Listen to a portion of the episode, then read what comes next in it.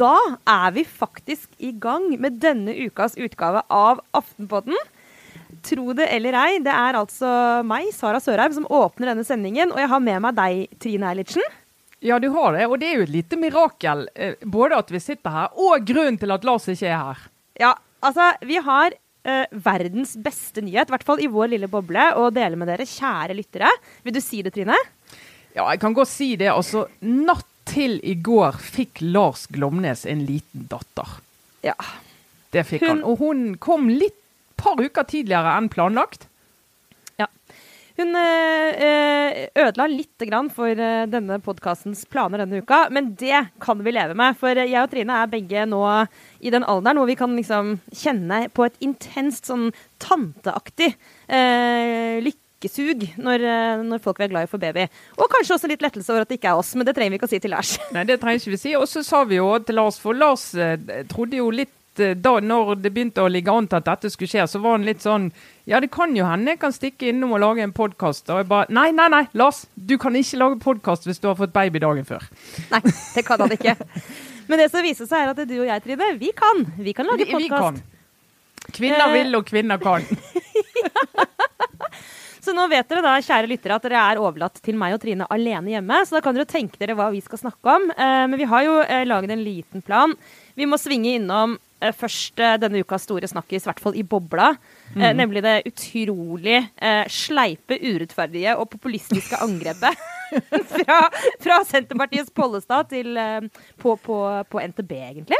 Og Ja. alle restaurantelskende mennesker. Eh, og så skal vi innom eh, det som jo faktisk er helt eh, Kanskje den største saken denne uka, nemlig at det faller en dom eh, nå en av dagene i Weinstein-saken. Ja. Eh, så det skal vi snakke litt om, og hele dette komplekse, denne enorme saken. Mm. Og så kanskje vi rekker litt innom Nav på slutten, vi får se. Men eh, vi må jo bare begynne med dette med Pollestad, fordi jeg er jo dundrende klar over først må jo vi forklare Pollestad.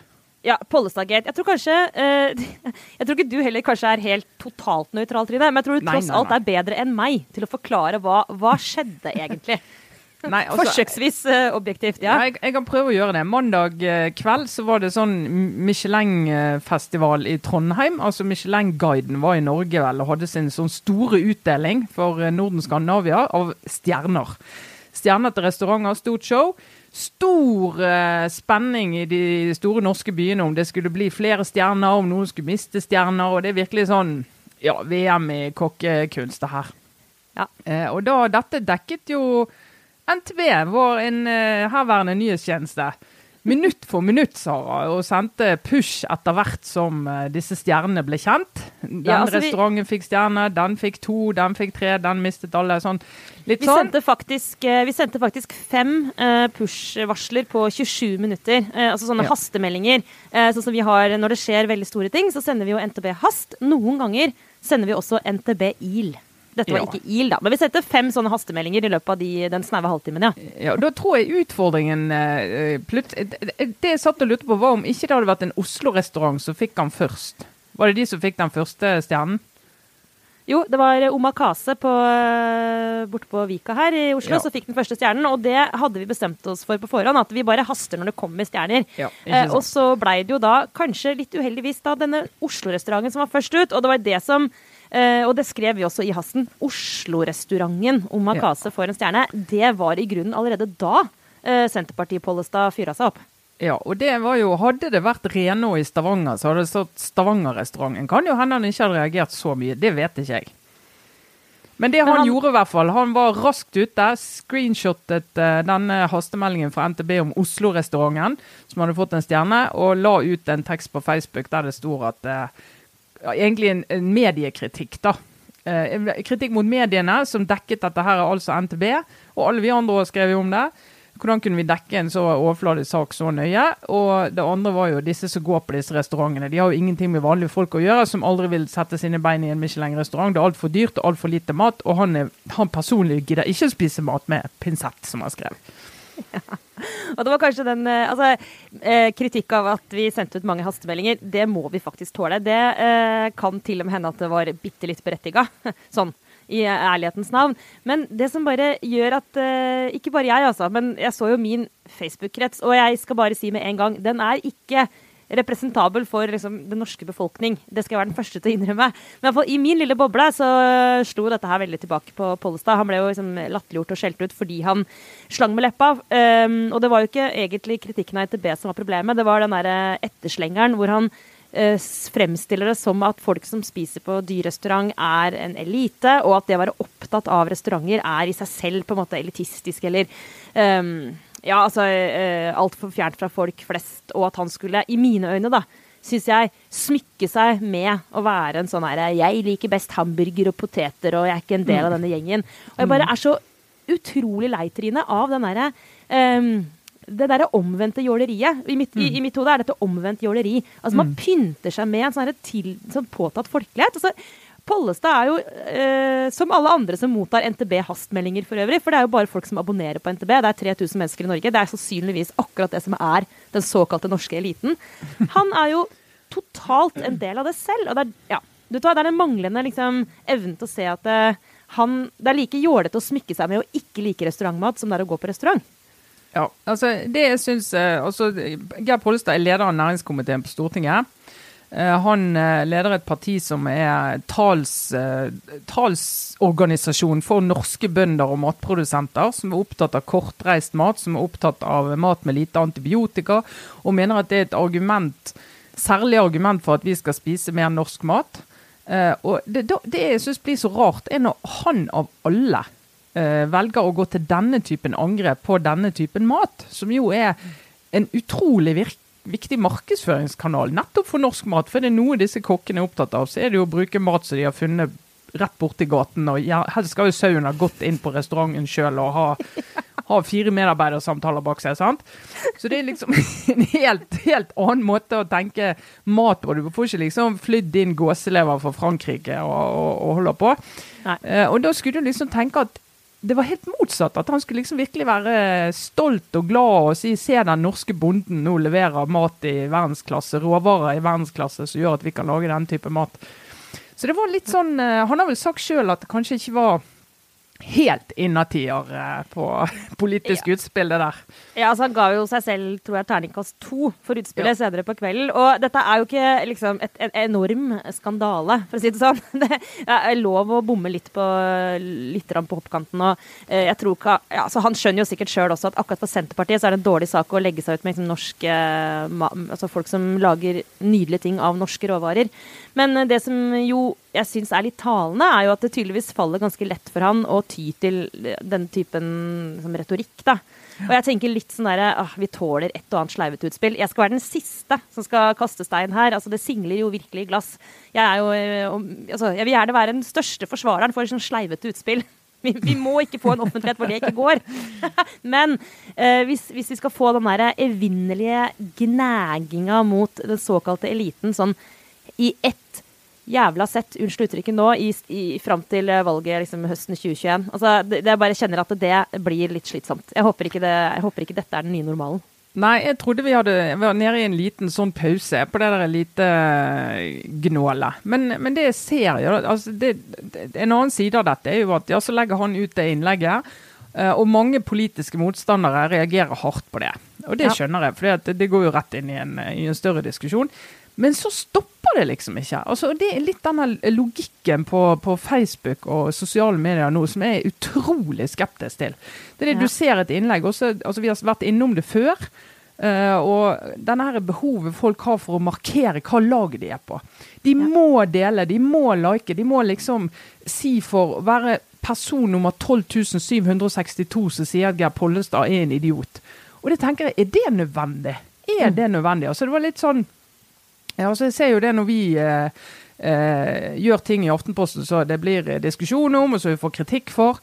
Så får vi kritikk, og av og til er det berettiget, av og til er det ikke det.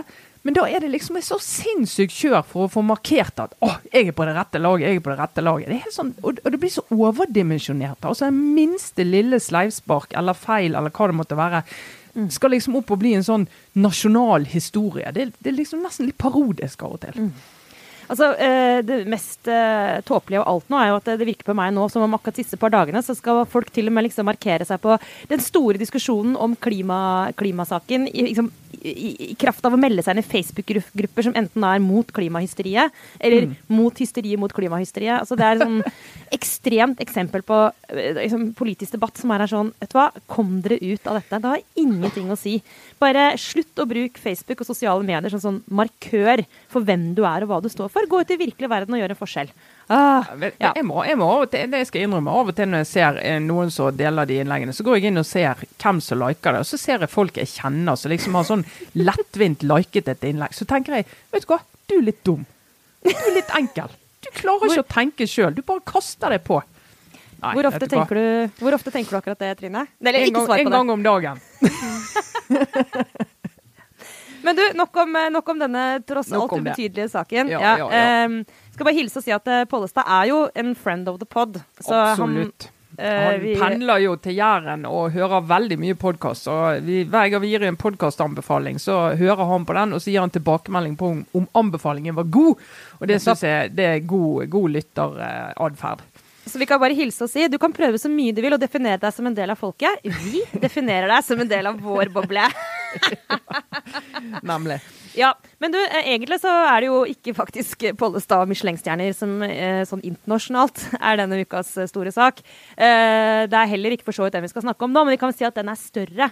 Fordi, som jo våre lyttere vet, Weinstein, selve navnet som har blitt egentlig um, symbolet på alt som har skjedd i metoo-bevegelsen. Um, saken mot uh, Harvey Weinstein, som starta det hele høsten 2017 er nå i ferd med å kanskje gå inn for landing. Eh, vi får se. Det er i hvert fall sånn at rettssaken mot han har nå gått eh, noen uker eh, i USA, og det er venta en dom nå, rett rundt hjørnet. Og det eh, blir veldig spennende. Han kan, hvis han, skal bli, eh, døm, hvis han blir dømt for den, mest alvorlige eh, punktet i tiltalen, som er noe som eh, på engelsk heter predatorisk eh, sexual assault. Hva nå det, jeg vet ikke helt hva det oversettes til. Rovdyraktig sexual assault ville vi nesten sagt som predator. Et rovdyr. Ja. Eh, det er faktisk, eh, hvis jeg har skjønt det riktig, eh, livstidsproblematikk her. Altså man kan Strafferammen på det er faktisk livstid i fengsel. Nå er det vel ingen som tror at han blir dømt til akkurat det, men det sier noe om alvorlighetsgraden i tiltalen.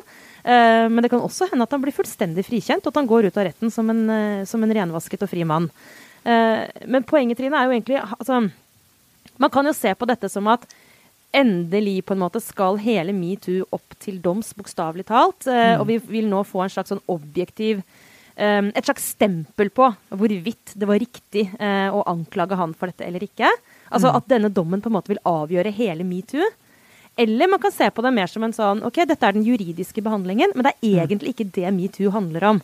Hva tenker du rundt det? Hvor viktig blir denne dommen? Nei, altså, altså jeg, jeg heller ja, litt begge veier, men litt på det siste. fordi at altså, Han har jo over 80 anklager mot seg. Eh, og så er det bare et par av disse som nå er oppe til doms i New York. Og grunnen til at det ikke er alle 80, altså handler litt om sånn eh, rettsområder, hvor har ting skjedd, hvor, hvor lenge er det siden det har skjedd, og, og i hva grad har de klart å, å lage, utvikle en sak så de tror de kan vinne i rett med alt dette her. Men, så det, det er en bitte, bitte liten andel av selve anklagene. Eh, og en del av de, noen av de er jo da ganske alvorlige, åpenbart. Og hvis han blir frikjent, og det kan godt skje, eh, så kan noen si at ja, dette viser at hele metoo var det var bare en oppblåst eh, sutrekampanje fra damer som ikke klarer å si fra når, når de syns det går for langt. Ja, Det mener jeg er si helt, Ja. helt feil. For metoo, det er, og det har vi snakket om før, det er en stor kulturell revolusjon, eller starten på en revolusjon, får vi virkelig håpe, eh, som handler om både holdninger og måter å oppføre seg på i arbeidslivet og alle andre arenaer i livet. Eh, Og en bevissthet rundt det som ikke eksisterte for tre år siden i samme grad som man gjør nå. Så jeg mener metoo allerede har markert sin betydning.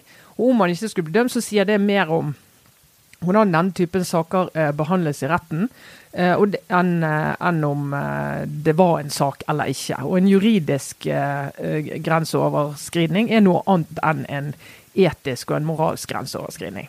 Og det er veldig interessant I alle disse sakene så ser vi at det er jo en kamp også, og, øh, egentlig nettopp om å definere seksuell trakassering som en juridisk øh, term. Eller som et begrep som kan brukes videre. Som kan brukes av alle, egentlig.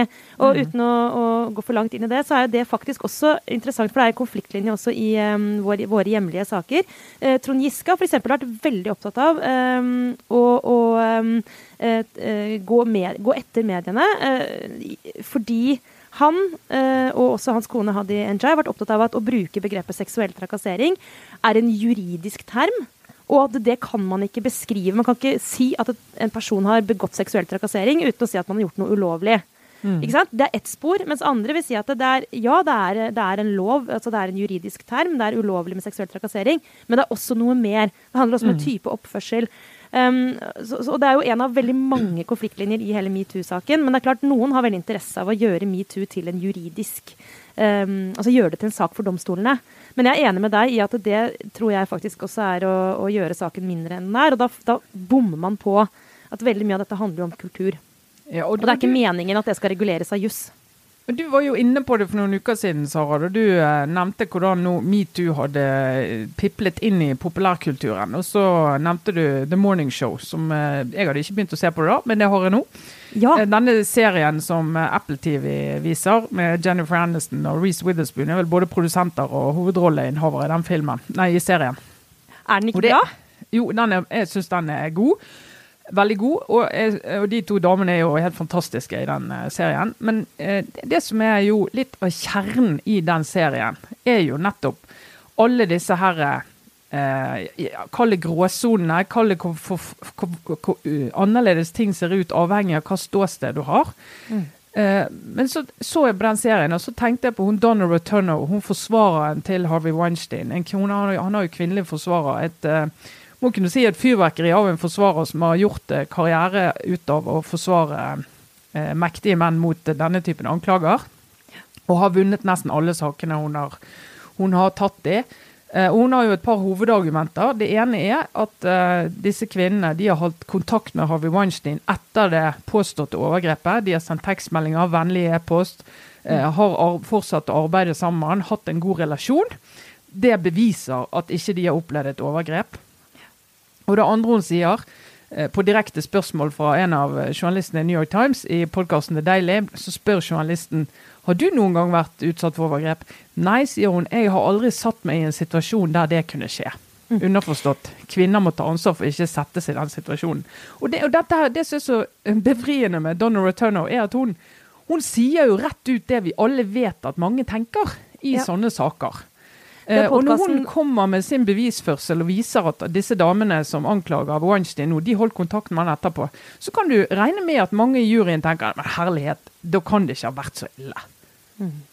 Det er utrolig fascinerende å høre. Vi, er, vi, kan vel begge anbefale akkurat den episoden av The Daily med intervjuet med, med denne Donna. Fordi um, det er på en måte befriende at hun bare, som du sa, Trine, at hun bare er helt sånn tydelig på at uh, hun legger ganske mye ansvar på kvinnene. Og er litt sånn Du må faktisk ta, passe på deg sjøl hvis du går opp på et hotellrom uh, med en person som du veit har en tendens til å liksom, uh, tafse. Så så vet du hva som kommer.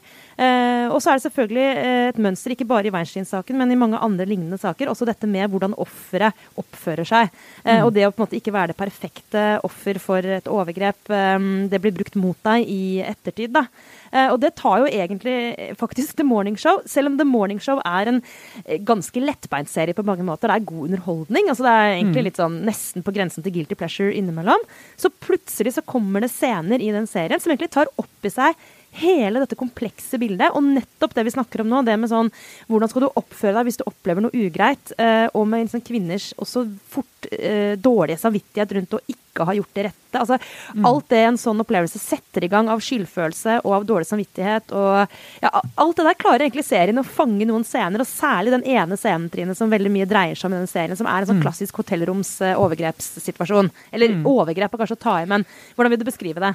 Nei, altså det er jo en av eh, de kvinnelige eh, personene da, som jobber i denne TV-kanalen, eh, som blir med han. Herre Mitch, hun er ung, hun er nyansatt, hun er ganske usikker. Får plutselig veldig mye oppmerksomhet fra han her eh, veldig anerkjente ankere, ankermannen i dette showet.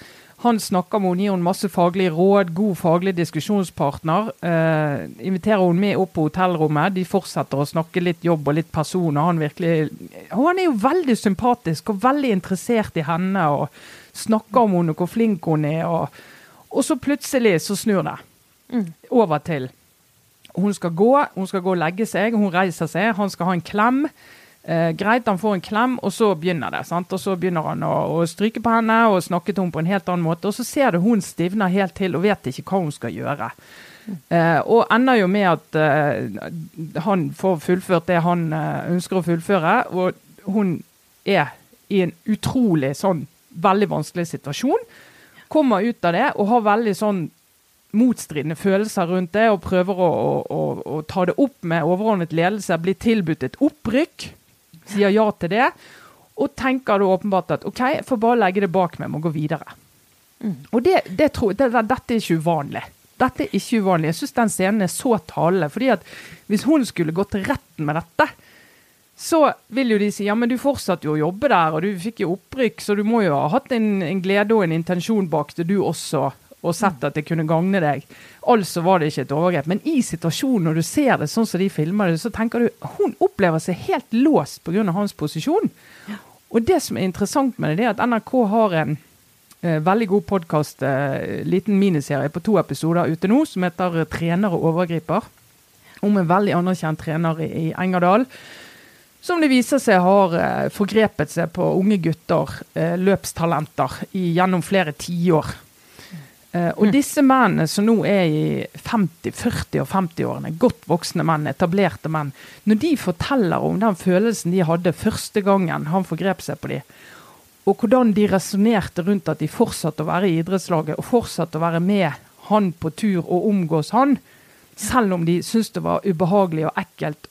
Og hvordan de flyttet hele ansvaret over på seg sjøl. Hva er det med meg som gjør at han tror at det er greit?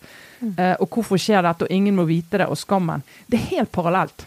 Det er helt parallelt. Og når du hører altså, de snakke om det, det mener jeg alle må høre. Høre det, og se på sånne scener, og høre hvordan de føler at altså Hele virkeligheten blir definert på nytt fordi det er en maktperson som står i et maktforhold til de, som gjør overgrepet, og da tenker de OK, dette må jeg, dette må jeg bare enten skjule eller godta. Og dette sier jo også utrolig mye om hvor viktig em, oppfatningen din i utgangspunktet er for hvordan du tolker en sånn situasjon. Eller ikke bare oppfatningen, men også verdenssynet. Og uten å spoile for mye i, når det gjelder The Morning Show, så kan vi bare legge til at denne Mitch, da, denne mannlige karakteren som, eh, som får disse anklagene mot seg, han opplever jo aldri den scenen med, med denne unge jenta som problematisk for sin egen del. Tvert imot så tenker han at han bruker det som et eksempel på, på en dame som har taklet veldig bra å havne i en sånn situasjon med han. Fordi at uh, hun snudde dette til en fordel for seg selv. Uh, hun fikk jo et opprykk uh, etterpå fordi hun brukte det mot han i en maktkamp. Altså han har det maktkampperspektivet eh, og eh, er aldri på noe tidspunkt egentlig mentalt Uh, på samme planet uh, som de som kommer med disse anklagene. Altså, han forstår nok genuint aldri, i hvert fall sånn han ble fremstilt i serien, at han har gjort noe galt. Uh, og, og det kan gjelde både overgriper og offer. Altså, det, der, du må, det er ikke alltid engang du skjønner at det du har opplevd er ugreit. Kanskje skjønner du det flere år senere. Og det høres ut som denne podkasten til NRK med disse voksne mennene eh, som du refererer til, kan være et eksempel på at det liksom, du må på en måte bearbeide en opplevelse ganske lenge, kanskje over lang lang tid, før du egentlig klarer å sette ord på hva var det egentlig som skjedde, og hvorfor det ikke var greit. da.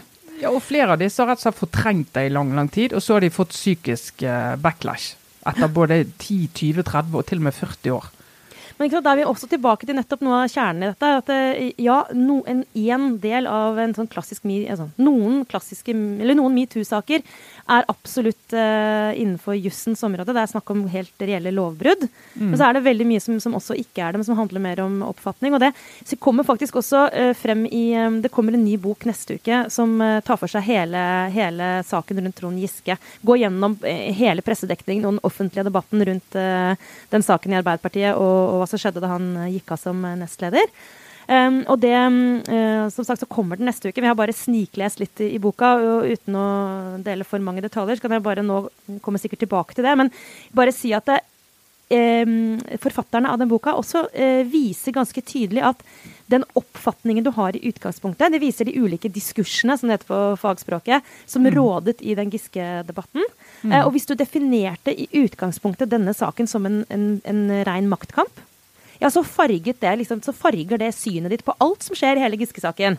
Ja. Eh, hvis du definerer det som en, eh, en, eller som en sak, som en metoo-sak som handler om asymmetriske maktforhold og menn som utnytter kvinner, ja, da farger det hele oppfatningen. Og ut, poenget er at um, vi snakker ikke sammen i disse sakene. Altså den uh, holdningen man har, det verdensbildet som preger deg, det gjør at alle sitter i hver sin silo og liksom skriker til hverandre. Og eh, i fiksjonen så Mitch og Hannah vil aldri klare å forklare hverandre hva som egentlig skjedde på det hotellrommet. Eh, men også i, i, virkeligheten så vil da de som mener at Trond Giske er utsatt for en brutal maktkamp eh, orkestrert av eh, Hadia Tajik, liksom.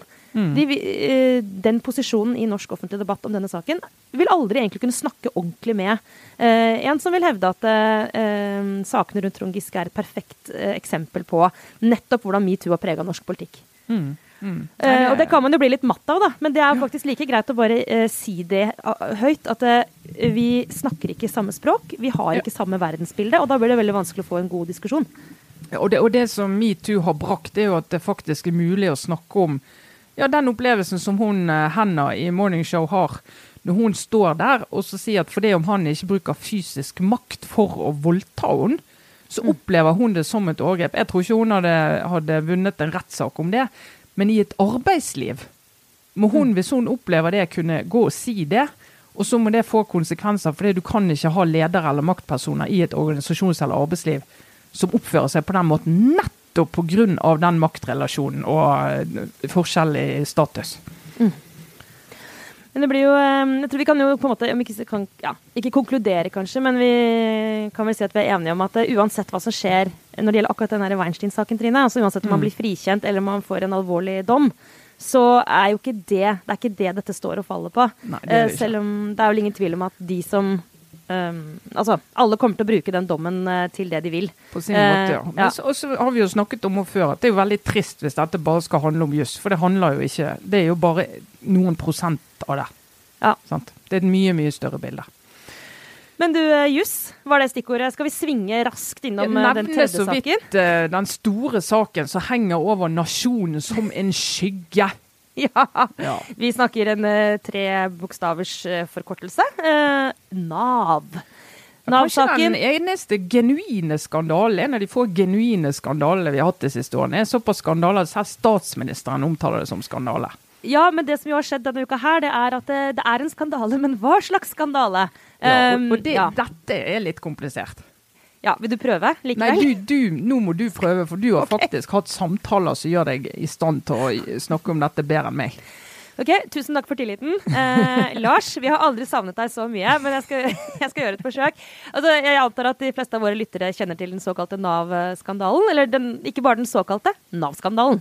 Um, Trygdeskandale heter han vel òg. Ja. ja eller, eller, jeg ser at noen også kaller det bare trygdesaken nå. Rett og slett fordi ja. at man man prøver vet, å hedge seg. Vi vet ikke hva vi skal si lenger. Ja. Nei, Det som jo har skjedd denne uka, da, det som er helt nytt, og mange av dere som Trine er kanskje på vinterferie og har hodet langt inn i monopolspillet på hytta, så til dere kan vi bare kort si at det som har skjedd denne uka, er at det har kommet noen motstemmer i denne Nav-saken. Uh, en tidligere høyesterettsdommer som heter Utgård, som har uh, til nettstedet Rett24 uh, uttalt seg denne uka om at han mener, og han har gått gjennom hele det juridiske grunnlaget um, som ble oversendt departementet i høst, da Nav gikk ut, og Sigrid Vågseng og daværende statsråd Anniken Hauglie gikk ut sammen sant, på en pressekonferanse og sa vi har begått store feil. Det er mennesker i Norge som urettmessig har blitt dømt for trygdesvindel, som ikke skulle vært det. Um, altså, de har blitt dømt, de skulle ikke vært dømt. Så kom skandalen feien feiende over norsk offentlighet, og, og vi vet jo alt uh, om det. Denne uken sier altså Utgård til Rett24 mon det. Han ja. bestrider den juridiske vurderingen. Han sier at nei, etter å ha gått gjennom europeisk rett og trygderett og uh, brukt mange måneder på dette, så mener han altså at det kan være at de ikke var uskyldig dømt likevel. Oi. Eh, og han hevder også, eh, nå refererer jeg bare hans påstander, jeg skal ikke på mm. noen som helst måte si at jeg selv personlig er i stand til å vurdere dette, men han hevder også at det grunnlaget som ble oversendt eh, departementet fra Nav var for tynt. Og eh, hvis jeg har forstått han riktig, så, så mener han også at eh, departementet burde ha brukt mye mer tid på å gå gjennom dette før de bare valgte å gå ut og legge seg fullstendig flate og si vi har gjort en feil. Eh, ikke sant? Ja. Og så er det flere som har vært litt, eh, eh, litt inne på den samme mm, tankegangen nå de siste par dagene. Aftenposten har en, også en sak i dag.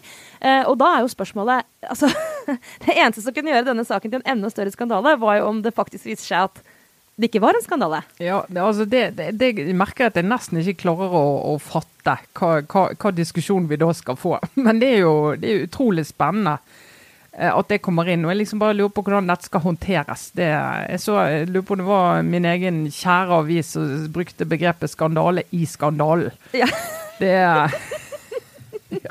er Et slags sånn Colombi-egg, eller hva skal vi kalle det for noe. sånn Kinderegg av eh, en skandale inni en skandale. Ja. Jeg tok meg selv i å tenke på at eh, hvis um, ja, dette, nå, er, nå er jeg over i ren spekulasjon. Men hvis Anniken Hauglie eller Sig Sigrun Vågseng eller andre sentrale aktører i denne saken i høst, når de skjønte å herregud, vi sitter på en uh, sak som dette Hvis de hadde gått til et PR-byrå, det vet jeg ikke om de har gjort, men la oss si at de hadde gjort det, da, for å få hjelp til å håndtere dette, så jeg er ganske sikker på at et sånt PR-byrå eh, ville sagt at det, nå gjelder det bare å gjøre én ting. Legg deg fullstendig flat. ja, Det er Gå alltid det ut med alt du har, og legg deg flat. Ja. Ja. Nå må du bare dele alt. Nå må du være totalt transparent. Du må bare si at du tar ansvar ved å bli sittende. og du må liksom bare eh, egentlig la deg bli eh, på en måte bare overkjørt i offentligheten så lenge det tar. Eh, sånn at du i hvert fall kan stå igjen med troverdighet og som et helt menneske og bla, bla, bla, bla, bla. bla, bla. Eh, det, som sagt, jeg vet ikke om det er det som har skjedd, men, Men, eh, det var nå i hvert fall det de gjorde. Det var det de gjorde. eh, og så vet jo ikke vi da altså, om, om det faktisk er riktig det som har kommet frem denne uka. Det eneste vi vel kan foreløpig si, Trine, er at vi vet ikke hva som er fasit i denne saken. Nei. Eh, og det er i seg selv eh, egentlig ganske oppsiktsvekkende, med tanke på hvordan den har blitt fremstilt fram til nå. Ja. ja, det er det. At det nå av en såpass kompetent person blir kastet inn en sånn usikkerhet i denne fasen av saken, det er etter at det har vært høring på Stortinget. Ja. Men da får vi se. Det, jeg gleder meg. Jeg, har, jeg må si min interesse for Nav-saken har blitt eh, triplet siste døgn. Ja, jeg kan vel si at jeg kjente litt på li, en, en liten sånn fatigue eh, rundt denne saken, eh, kanskje, siste måneden. Eh, nå eh, eh, full fres, eh, rett og slett. Nå blir det veldig Ja. Det blir rett og slett bare utrolig spennende å se. Nå kommer det vel altså dette, altså Nå har jo dette, utvalget sittet og gått gjennom saken. De kommer vel med en slags konklusjon om ikke så altfor lenge. Mhm. Um, vet ikke om jeg har satt noe dato på det, men det kan jo hende at vi at, um, Ja, de har jo utsatt litt en del av arbeidet sitt, og det kan jo hende at de har, har funnet ting som, eh, som gjør at de er nødt til å undersøke nye problemstillinger. Nei, spennende. Ja, vi skal følge med eh, etter beste evne. Um, ellers eh, glemte jeg å si til lytterne våre at du, grunnen til at du er på en slags telefonlinje, Trine, er at du egentlig har ferie. Ja, Du har jeg er på avbrutt vinterferie. Ferien? Ja, Ja. avbrutt ferien, ja, for å fortelle at Lars har fått en uh, datter. Eh, og vi kunne benytte sjansen til å snakke enda litt mer om metoo mens Lars er borte. Eh, og det kan det hende at vi skal benytte oss av igjen. Men dette var vel eh, stort sett ukas viktigste saker i vårt eh, lille univers, I, i, vår, I vårt lille univers var det det. Ja.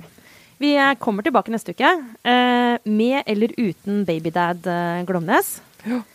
Men kan vi kanskje si at dette var en god arbeidsinnsats denne uka fra din kant, Eilertsen? Ja, vi gjør det. Vi sier at det var et, uh, om ikke et dagsverk, så i hvert fall en uh, halvtimesverk. Timesverk, Da- ja. Da skal jeg prøve å si som Lars pleier å si. Uh, da takker vi for oss. Eh, Sjefredaktør i Aftenposten, Trine Eilertsen, takk. Vær så Og god. meg Ny, selv, nyhetsredaktør Sara Sørheim i NTB. sjukt proft. Ja. Vi høres til uka. Ha det bra. Ha det.